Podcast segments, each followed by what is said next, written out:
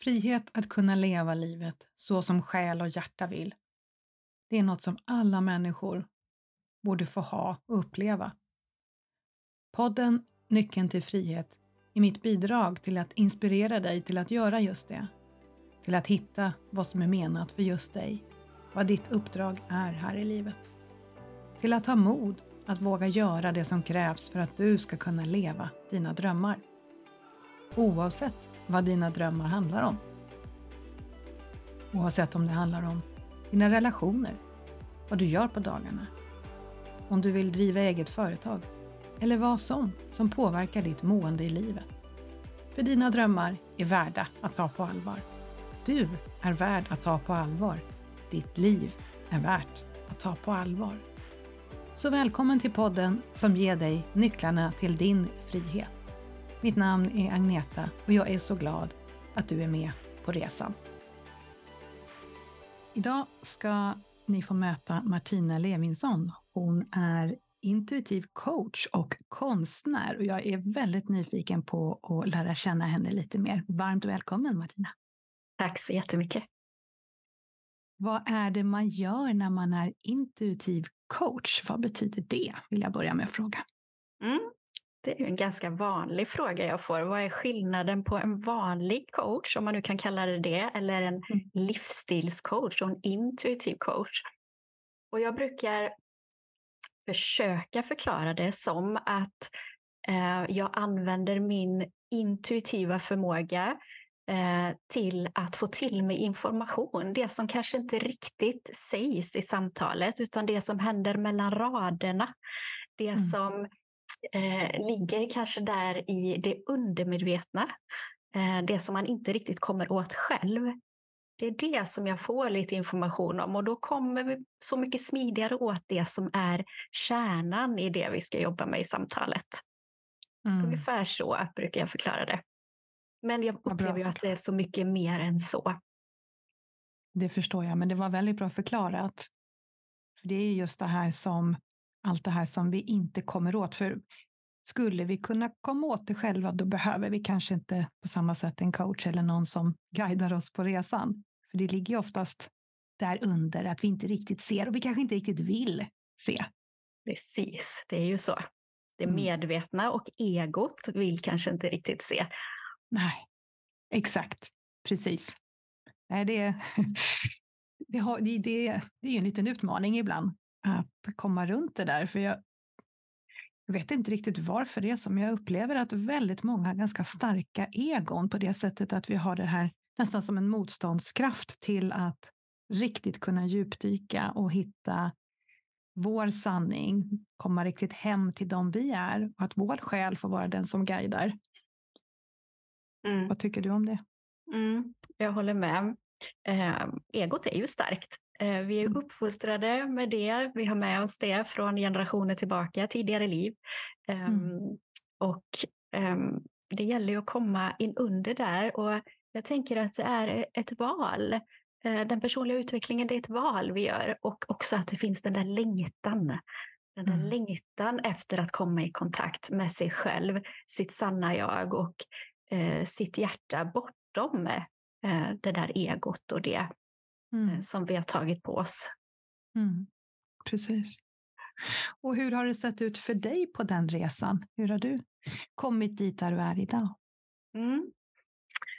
Jag började nog ganska tidigt med min personliga resa, kan man nog tycka, för det var precis strax över 20-årsåldern.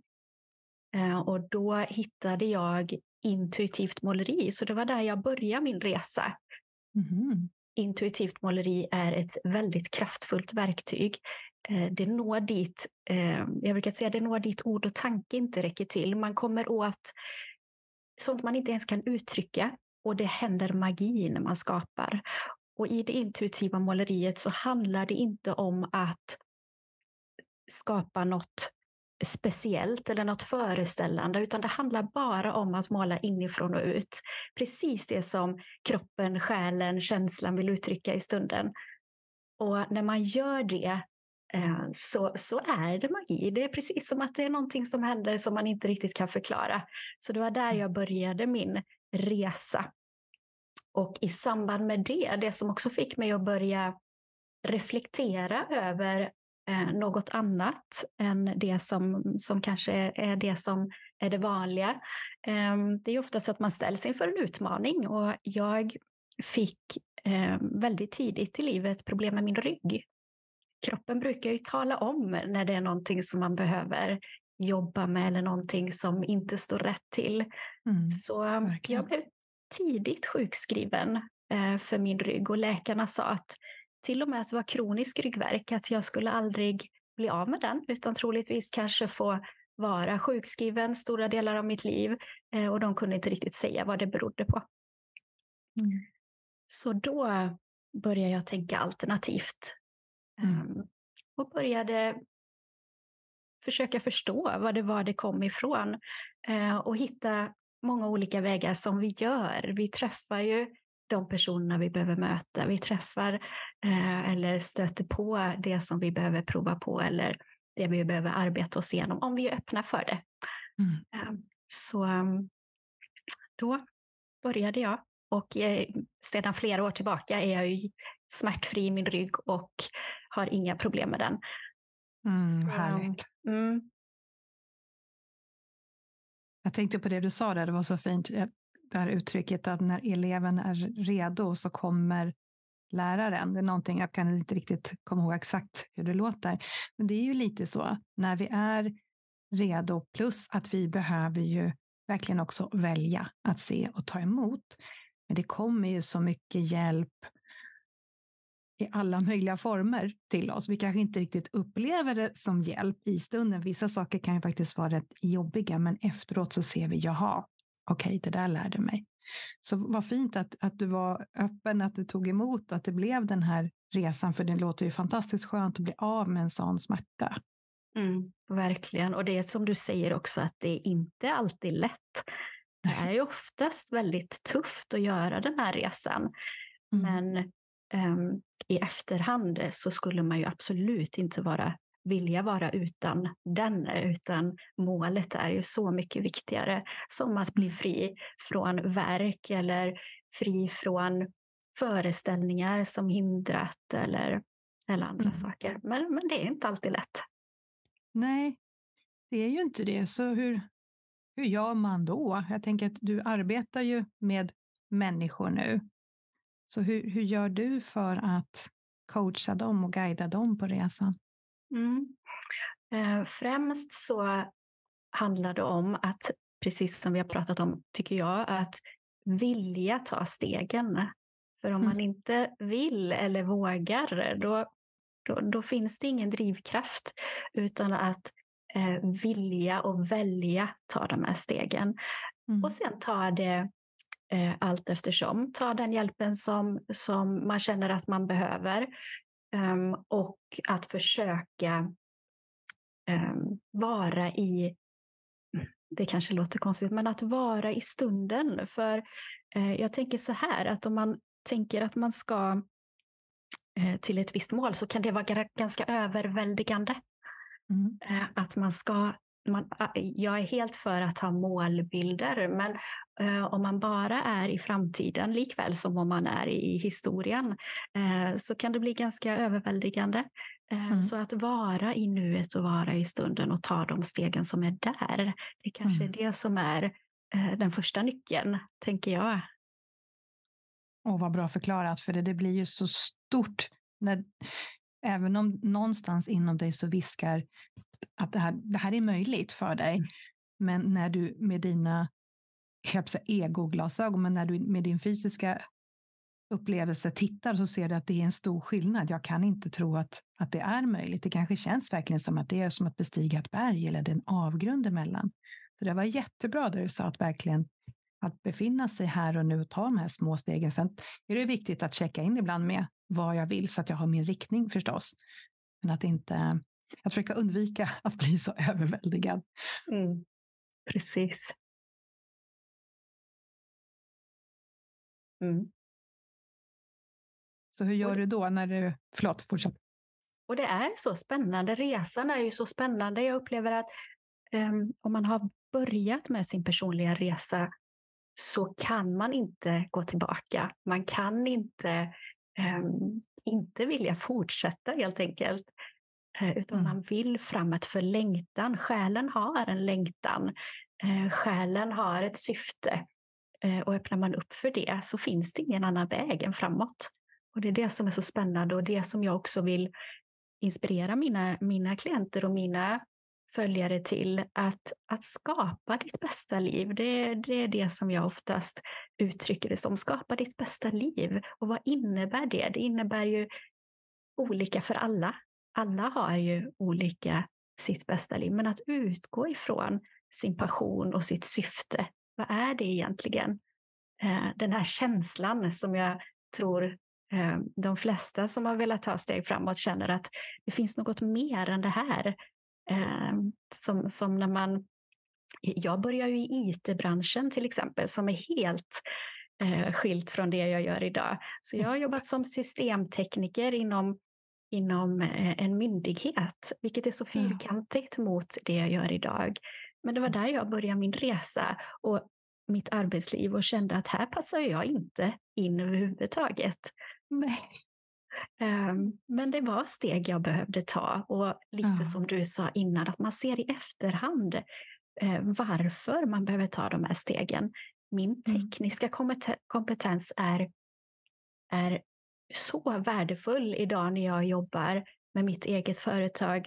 Eh, när mm. jag jobbar online och när jag skapar kurser online och när jag jobbar ganska mycket tekniskt fast jag jobbar eh, som, som coach. Så att allt har ju en mening och man träffar också människor på vägen eh, av en anledning. Mm. Eh, men just den här känslan av att det är något som inte stämmer. Min mm. själ längtar efter något annat. Mm. Och visste du vad du längtade efter då? För det upplever jag ganska vanligt att det är just den här att du trycker på, det är en längtan, men det är väldigt oklart vart jag ska. Men hur, kände, hur upplevde du det? Oklart hur jag skulle komma dit, den är, nog det mest oklara upplever jag. Hur ska jag mm. komma dit jag vill? Och mm. lite luddigt i vad jag faktiskt ville, men jag ville till exempel känna en känslomässig och en fysisk frihet. Den här mm. frihetskänslan mm. som så många längtar efter. Mm. Eh, och också att eh, det som syftet oftast handlar om, Eh, det är ju det som är vår passion och det slutgiltiga är att dela med sig av det till andra. Så att sprida det som är viktigt för mig Eh, i att följa sitt hjärta, att sprida det till andra. Så det visste jag ganska tidigt, men hur det skulle se ut eh, hade jag ju ingen aning om eh, förrän det började uppdagas i allt eftersom. Det där var jätteviktigt allt du sa nu där. För jag tänker att ofta är det så att vi vet någonting annat. oftast är det känslan, att man kan känna att jag gjorde i alla fall det. Det, det är det här jag vill uppleva, men det var så fluffigt på något sätt. Det var inte klart, men jag visste på något sätt riktningen att det här och just huret. För där tror jag många kan bli lite lamslagna, men jag har ingen aning om hur. Och jag vet ju inte heller riktigt vart jag ska. Och så kanske man inte vågar.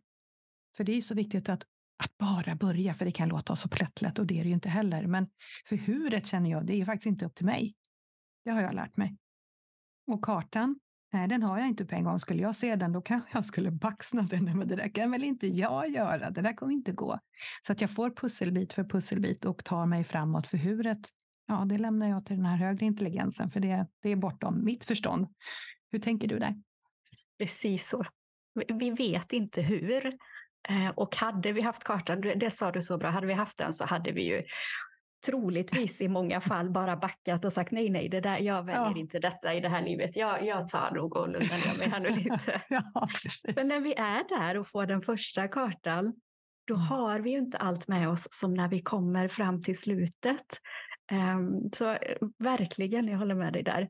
Och huret.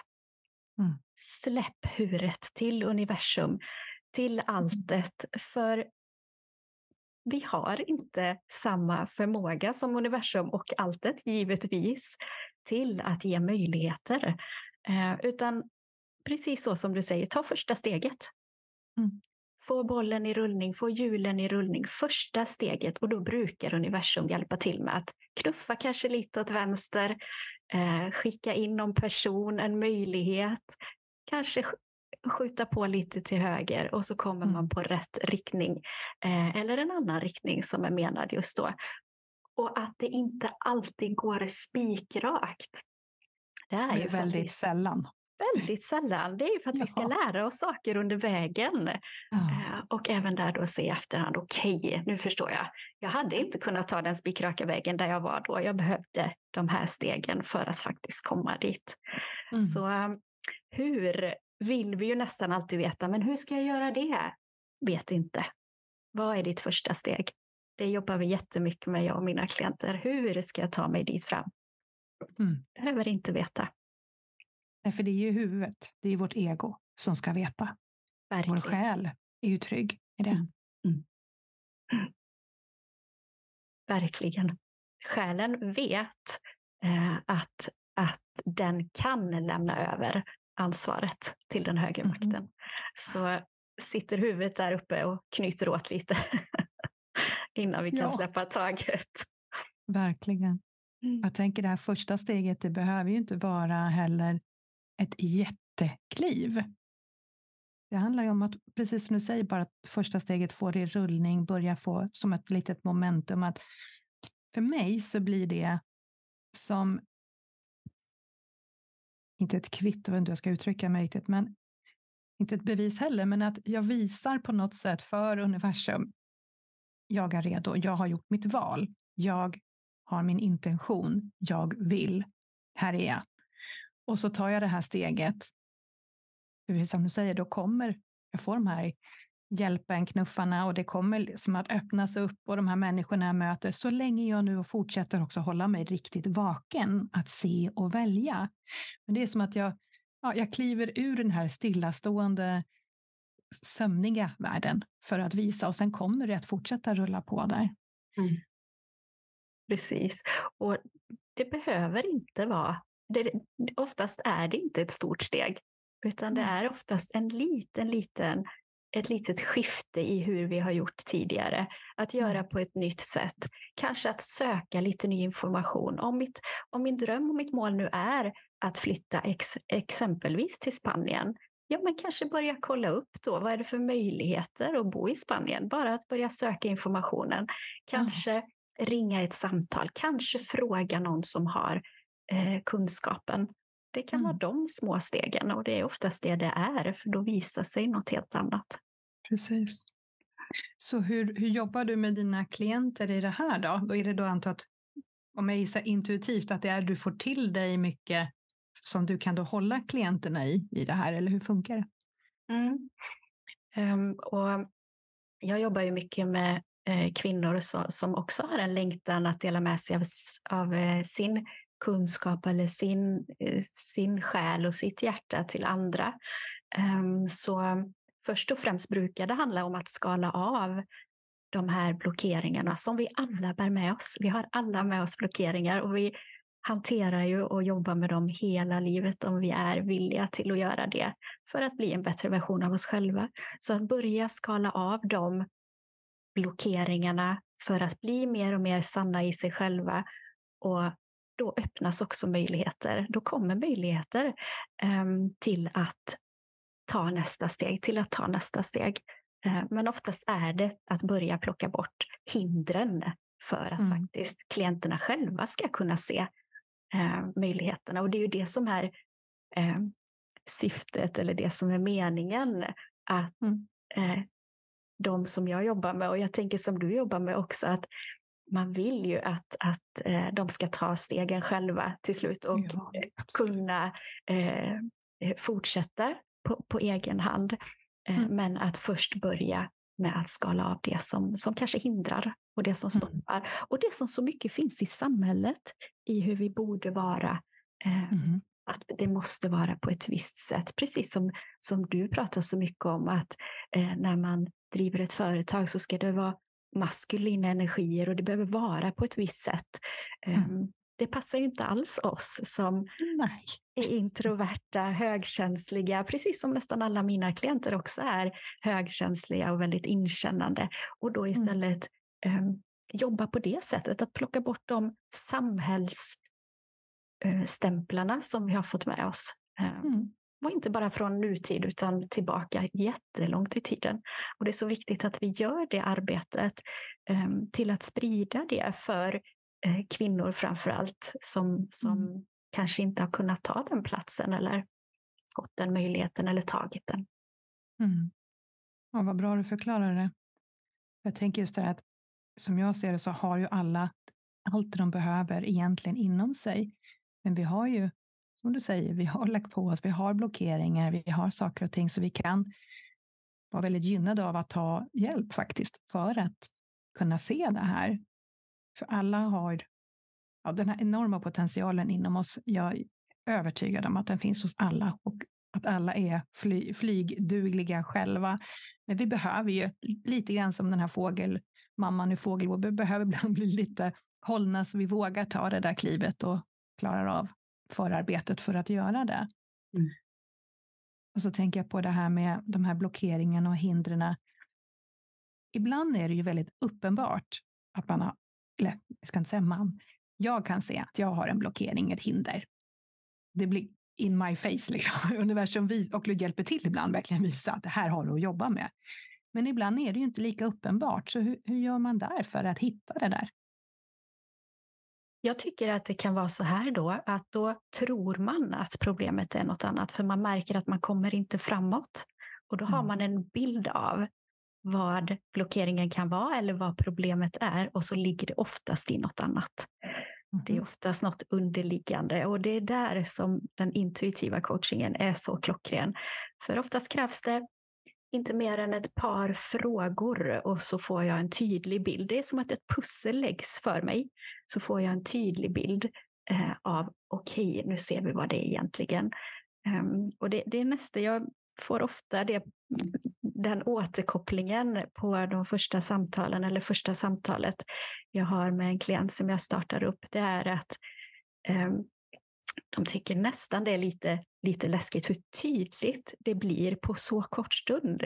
Att bara mm. inom en 20 minuter så blir det en tydlig bild av vad det är som vi behöver jobba med. Att det blir sådana insikter på så kort tid och det är det som Eh, som jag är så tacksam för, att ha den förmågan. Eh, för det är då också som, precis som du säger, man vet inte alltid.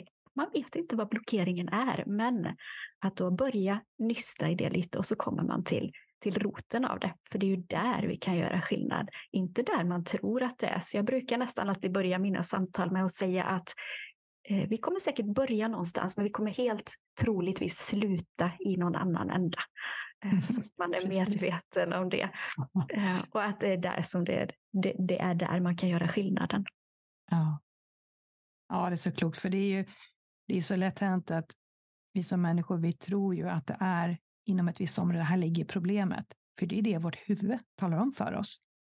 Men samma huvud, ego, sin vill ju inte att vi ska egentligen se vad det handlar om, för då kanske med största sannolikhet är någonting vi måste titta på som kanske gör lite ont, som inte är så vackert som inte riktigt passar in.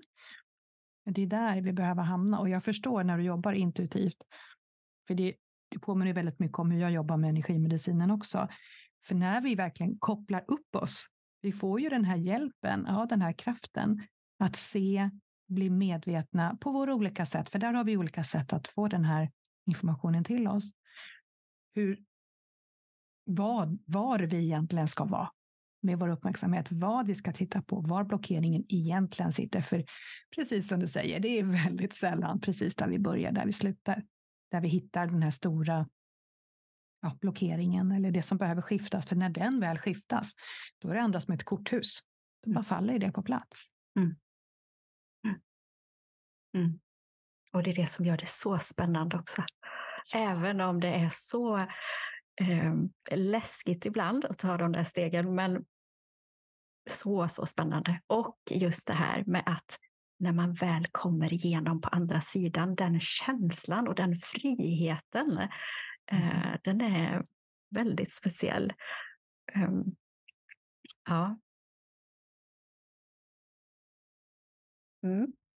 Ja, det är så härligt att få vara med på en annan människas utvecklingsresa.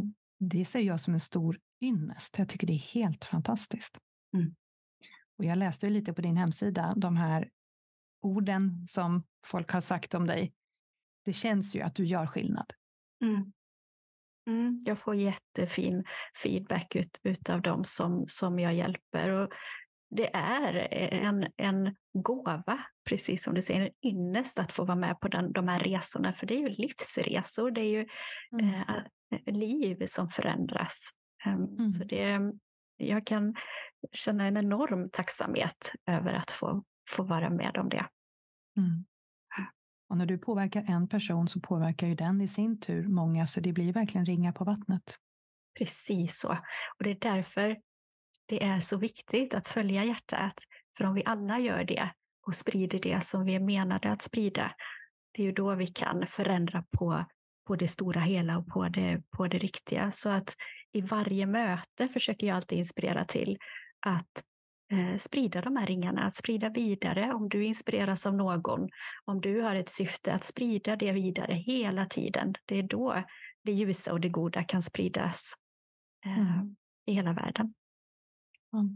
Jag tänker, det behöver inte vara stora saker heller. Jag försöker att när jag möter en människa bara ute på en hundpromenad, jag kan le i alla fall. Jag behöver inte alltid jag behöver säga hej. Och för det tycker jag är lite fascinerande. Jag har ju flyttat, jag bodde tidigare söder om Stockholm, i förort och stressigt och det är en miljö som inte passade mitt introverta jag särskilt bra. Inte var det någon som hälsade på någon annan. Gjorde man det så tittade de ju på en som, vadå känner jag dig, är du dum eller? Med den känslan fick jag då. Och när jag flyttade ner till södra Sverige, folk hälsade. Och de såg en i ögonen, de log. Och jag blev jätteglad, för det påverkade mig fantastiskt mycket. Och det var verkligen en fin påminnelse om att ja, man kan faktiskt göra så. Och det ger ju jättemycket. Bara att få mm. ett leende av någon annan. Jag ser dig. Och det, ja. Och mm. det är ju det är det, verkligen det lilla man kan göra. Man kan göra större saker också. Men inte förringa det här som, som var och en faktiskt har förmåga att göra. Det behöver inte kosta någonting. Nej. Att sprida den glädjen som den personen sprider vidare när den hälsar och när den hälsar på nästa.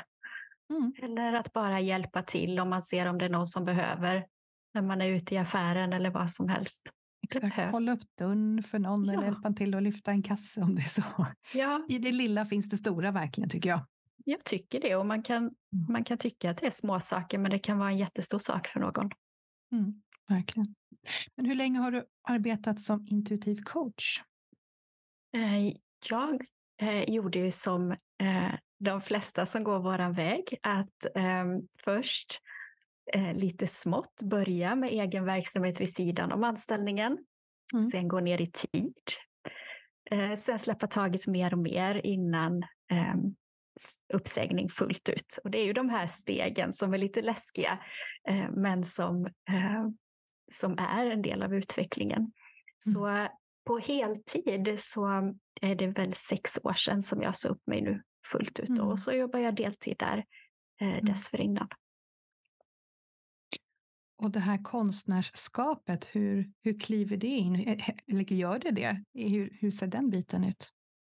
Eh, den har faktiskt fått tagit lite mindre plats nu, för jag följer ju verkligen flödet. Jag lyssnar in, jag eh, får till mig impulser, jag försöker verkligen leva efter det som eh, känns rätt i stunden, det som jag blir vägledd till. Och just nu är det coachingen som är jätteviktig och som skillnaden eh, verkligen görs. Det är där jag gör skillnad. Så um, konsten har fått ta lite mindre plats nu, men jag målar ändå alltid för mig själv, för det är mitt mm. sätt att uttrycka mig. Det är en del av mig. Jag skulle inte kunna vara utan måleriet.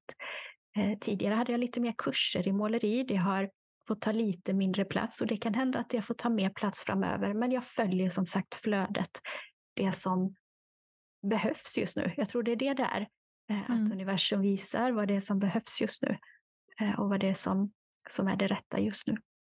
Mm. Men det finns alltid med mig eh, och jag har inspirerat många till att börja måla på mina sociala medier och det gör stor skillnad för det är ett ganska lätt sätt till att uttrycka sig kreativt. För vi behöver alla uttrycka oss kreativt på ett eller annat sätt. Det är, det, det är ett behov, tror jag, vi har egentligen, men som inte alltid eh, tillgodoses hos oss.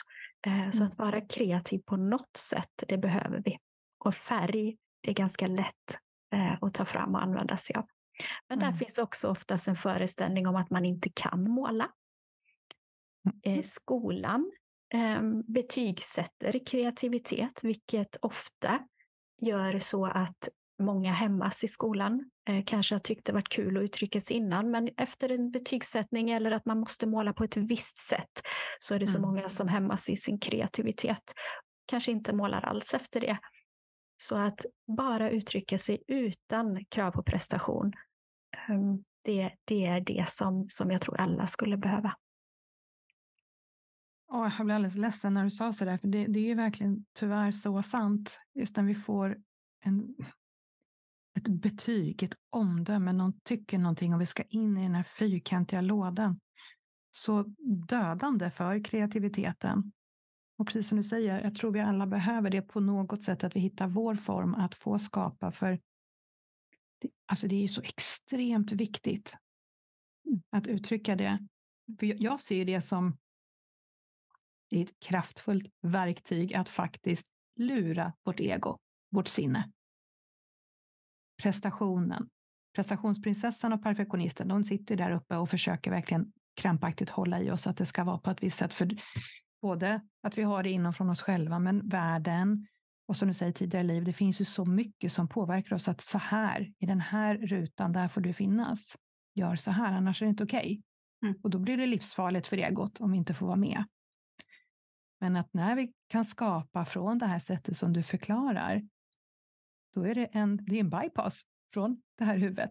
När vi tillåter oss att det, det behöver inte bli någonting, det, bara släppa på det. För det var så fint i början av samtalet när du förklarade det här med målandet. Det är ju Alltså, det är så frigörande. Jag kan känna när du pratar om det hur det känns. Ah, gud vad skönt att bara släppa på alla krav mm. och bara få, få låta det bli som det ska. Att mm. vara, och det, det krävs för att vara ganska närvarande i stunden också på ett sätt, samtidigt som du klart kan koppla av och ja, låta tankarna gå också gissar jag. Men hur, hur upplever du det? Det finns nästan inget annat ställe som jag kan vara så totalt i stunden som när jag är precis i det kreativa flödet. Då mm. när tid och rum försvinner, när det inte finns några rätt eller fel, när man känner sig ett med alltet. Mm. Det, är en, det är nästan bara i det totala kreativa flödet som, som jag kan känna det. Man kanske kan känna det när man mediterar eller eh, när man verkligen är uppkopplad eller i nuet. Men just måleriet, det är lite som du säger, egot luras lite just för att man eh, är kreativ. Färgerna hjälper till med det. Mm. Så mm, det, det är en häftig känsla. Eh, och jag brukar ofta eh, använda mig av meditation för att släppa tankarna, eh, både på kurser och för mig själv, för att komma in i det här kreativa flödet, eh, för att sätta igång flödet och då till och med eh, blunda när man målar. För där släpper oh. man verkligen kontrollen och det kan vara lite hämmande eller lite skrämmande för vissa att sluta ögonen och helt lämna över kontrollen till vad som händer på pappret och vanliga kritor på ett papper för att släppa prestationen helt i materialet. För lägger man fram en målarduk och konstnärsfärg, om man nu ska kolla, äh, kalla det det, så kan det också vara ganska hämmande för då måste det ju bli något brukar mm. vi ha med oss då. Då, då blir det krav plötsligt. Ja, Men att sitta där med kritor och papper och bara följa med och sluta ögonen. Um, mm, då det låter helt underbart. Mm. Uh, men just det här i skolan är det så många som, som faktiskt, det, det är sorgligt, men jag, jag möter det så ofta, att där stoppar kreativiteten helt. Mm. Uh, för dels blir betygsatt, men också så måste alla göra likadant. Mm. Alla måste okay. göra på ett visst sätt. Och vi är inte likadana, så hur kan vi göra exakt på ett visst sätt och måla av någonting eh, likadant alla? Det går ju inte. Um, Nej, det, det blir ju mycket mindre lätt Och det hämmar ju verkligen. Men jag tänker att det är så fint att det, du är en stor del av det arbetet, att visa på att vi kan välja igen. Vi kan göra nya val, att komma tillbaka. Vi kan ta bort den där begränsningen, den här avspärrningen av flödet för att påbörja processen där vi är nu. Att det inte behöver vara så... Det är inte för evigt, den där spärren eller den där mm. begränsningen. Att vi kan börja igen. Och att, mm. just som du säger, bara ett papper och kritor, det, behöv, det finns inte mycket för huvudet att sätta emot där, för det är inte särskilt svårt. Det blir ju inte det här, ja men du måste ha ett staffli och du ska ha en duk och du ska ha det och det. För då kan man ju förstå att ja, då har egot fått lite makt, för det där lät ju jobbigt och då kan jag mm. backa. Mm. Men bara med typ papper och penna och sätt och blunda, bara låt pennan gå. Det är fantastiskt. Mm. behöver inte ens vara kritor, kan vara en blyertspenna om man har det nära till hands. Ja, bara mm. börja och se vad det mm. leder. Mm. Ja, och det, det där kan ju också... Fortsätt. Det här telefonklottret som, som vi hade tidigare ja, när vi satt vid telefon, det är inte ja. att förglömma. Um, det är faktiskt uh, inte så dumt. Nej, precis. Det, det, hade jag faktiskt glömt bort. Men så var det ju på den tiden när telefonen var fast. Och då var, man var fast. Och så ett papper och penna som fanns till hands och så klottra och klottra. Mm. Det kanske är det de här mandala, alltså det man har de här mm. övningsböckerna att sitta och fylla i.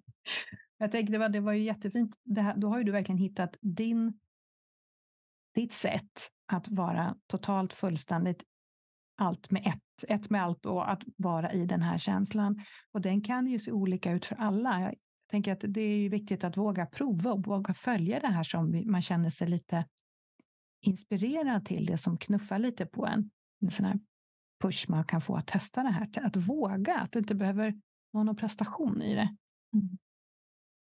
Vad kan du råda där? Ja, precis. Mm. Men hur gör man då för att våga prova om man har mycket av de här begränsningarna? Um, du sa något, något väldigt bra där, att man kan alltid välja nytt. Den mm. tycker jag är så bra. Ingenting varar för evigt. Man kan alltid välja nytt. Mm. Eh, och den tycker jag är så bra i så många sammanhang. När man ska göra ett val, när man ska prova. Eh, som till exempel i måleriet. Så om man då börjar på en duk eller på eh, med, med akrylfärger till exempel, eh, så kan man ju så känna, men hur, hur, ska jag nu göra? Hur, hur, hur går jag tillväga? Det går alltid att måla nytt. Det går att göra hundra lager. Och jag tänker att det är så tydligt också, eller det blir en koppling till livet. Det går alltid att göra om. Det går mm. alltid att göra på ett nytt sätt. Prova igen, testa dig fram. 100 lager, 200 lager, 300 lager. Mm. Och det händer något i varje lager. Oh, nu fick jag rysningar. Det där var ju så fint. Jag tänker om man nu skulle, akryl kanske inte riktigt på samma sätt, men om man hade målat till exempel olja, då blir det ju faktiskt en struktur till slut. Mm. Du bygger på, du bygger på, då in, det som du har varit med om som citat misstag, det som inte blev rätt. Det, det är ju en grund för nästa och för nästa och för nästa. Att allting har en mening. Åh, vad fint. Varje steg i livet har en mening. Varje lager av färg har en mening. Exakt. Så gör du det hundrade lagret som kanske är det sista där du känner nu är, nu är det klart. Gör du det som första lager, det blir väldigt platt och innehållslöst. Då får du ingen struktur, du får inget djup. Precis som i livet, du kan inte göra det hundrade steget först.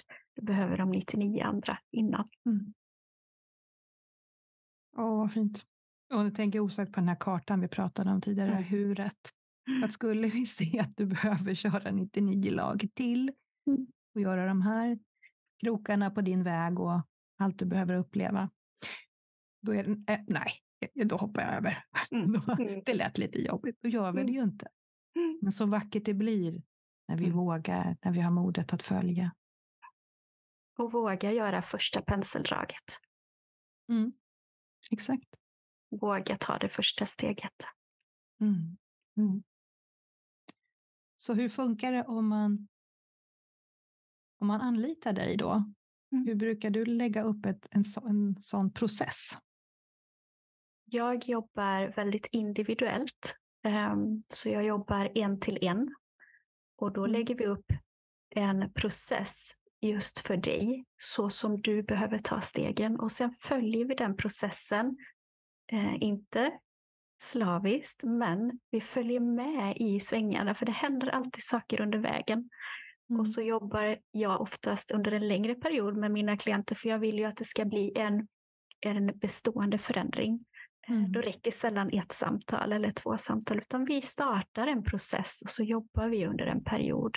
Och för mig är det ju fantastiskt viktigt att eh, jag funkar med klienten och att klienten funkar med mig, för vi jobbar så på djupet med varandra. Så mm. det är alltid viktigt att vi eh, tar ett första samtal för att se hur, hur vi fungerar ihop så att jag känner att jag kommer åt. För det, är ju, det vet ju du också att det är så viktigt att komma åt energimässigt och, kom, och ha en koppling energimässigt.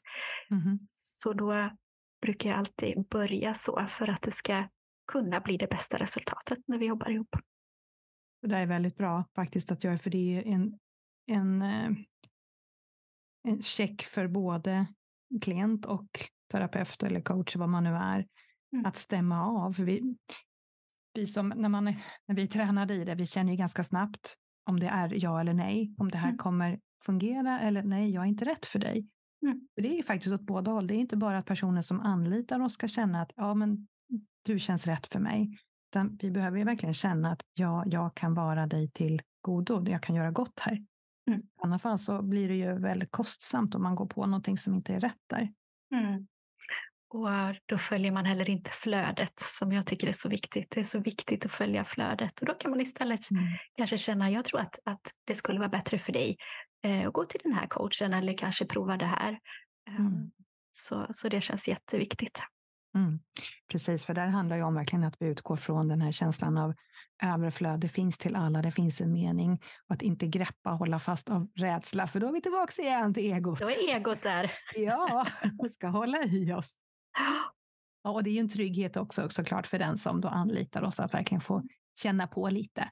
Mm. Och jag tror att sådana här saker som att bara få höra någons röst och få höra när den personen pratar också väldigt viktigt, för det, då känner man ju, ja men det här resonerar med mig eller ja, det här är inte riktigt för mig.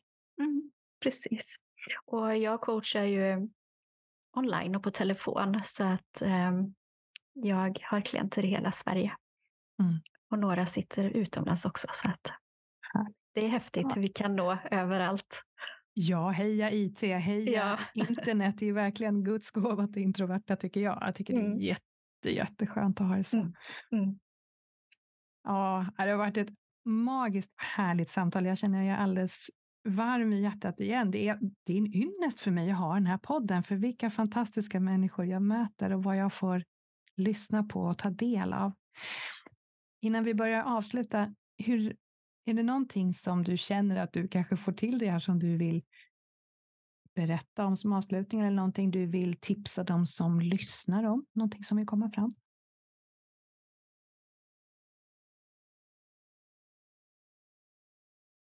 Det är nog temat lite av vad vi har pratat idag och som stoppar så många, vilket jag tycker är så synd. För alla har potentialen, precis som vi pratade om innan. Alla har en sån fantastisk kraft och det är att våga för att mm. komma nära den kraften och eh, närmare sig själv.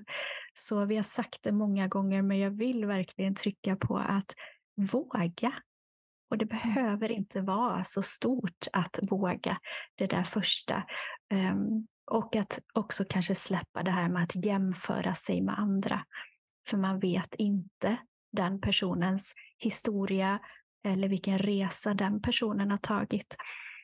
Jag um, försöker ibland att um, prata om min resa, för det kan vara så uh, lätt att uh, kanske jämföra sig ifall man har tagit de här stegen och man har skapat det som man faktiskt vill att jämföra sig med en sån person, men då är det viktigt också att se resan under kanske 20 år. Vad är det som har hänt på den eh, mm. resan?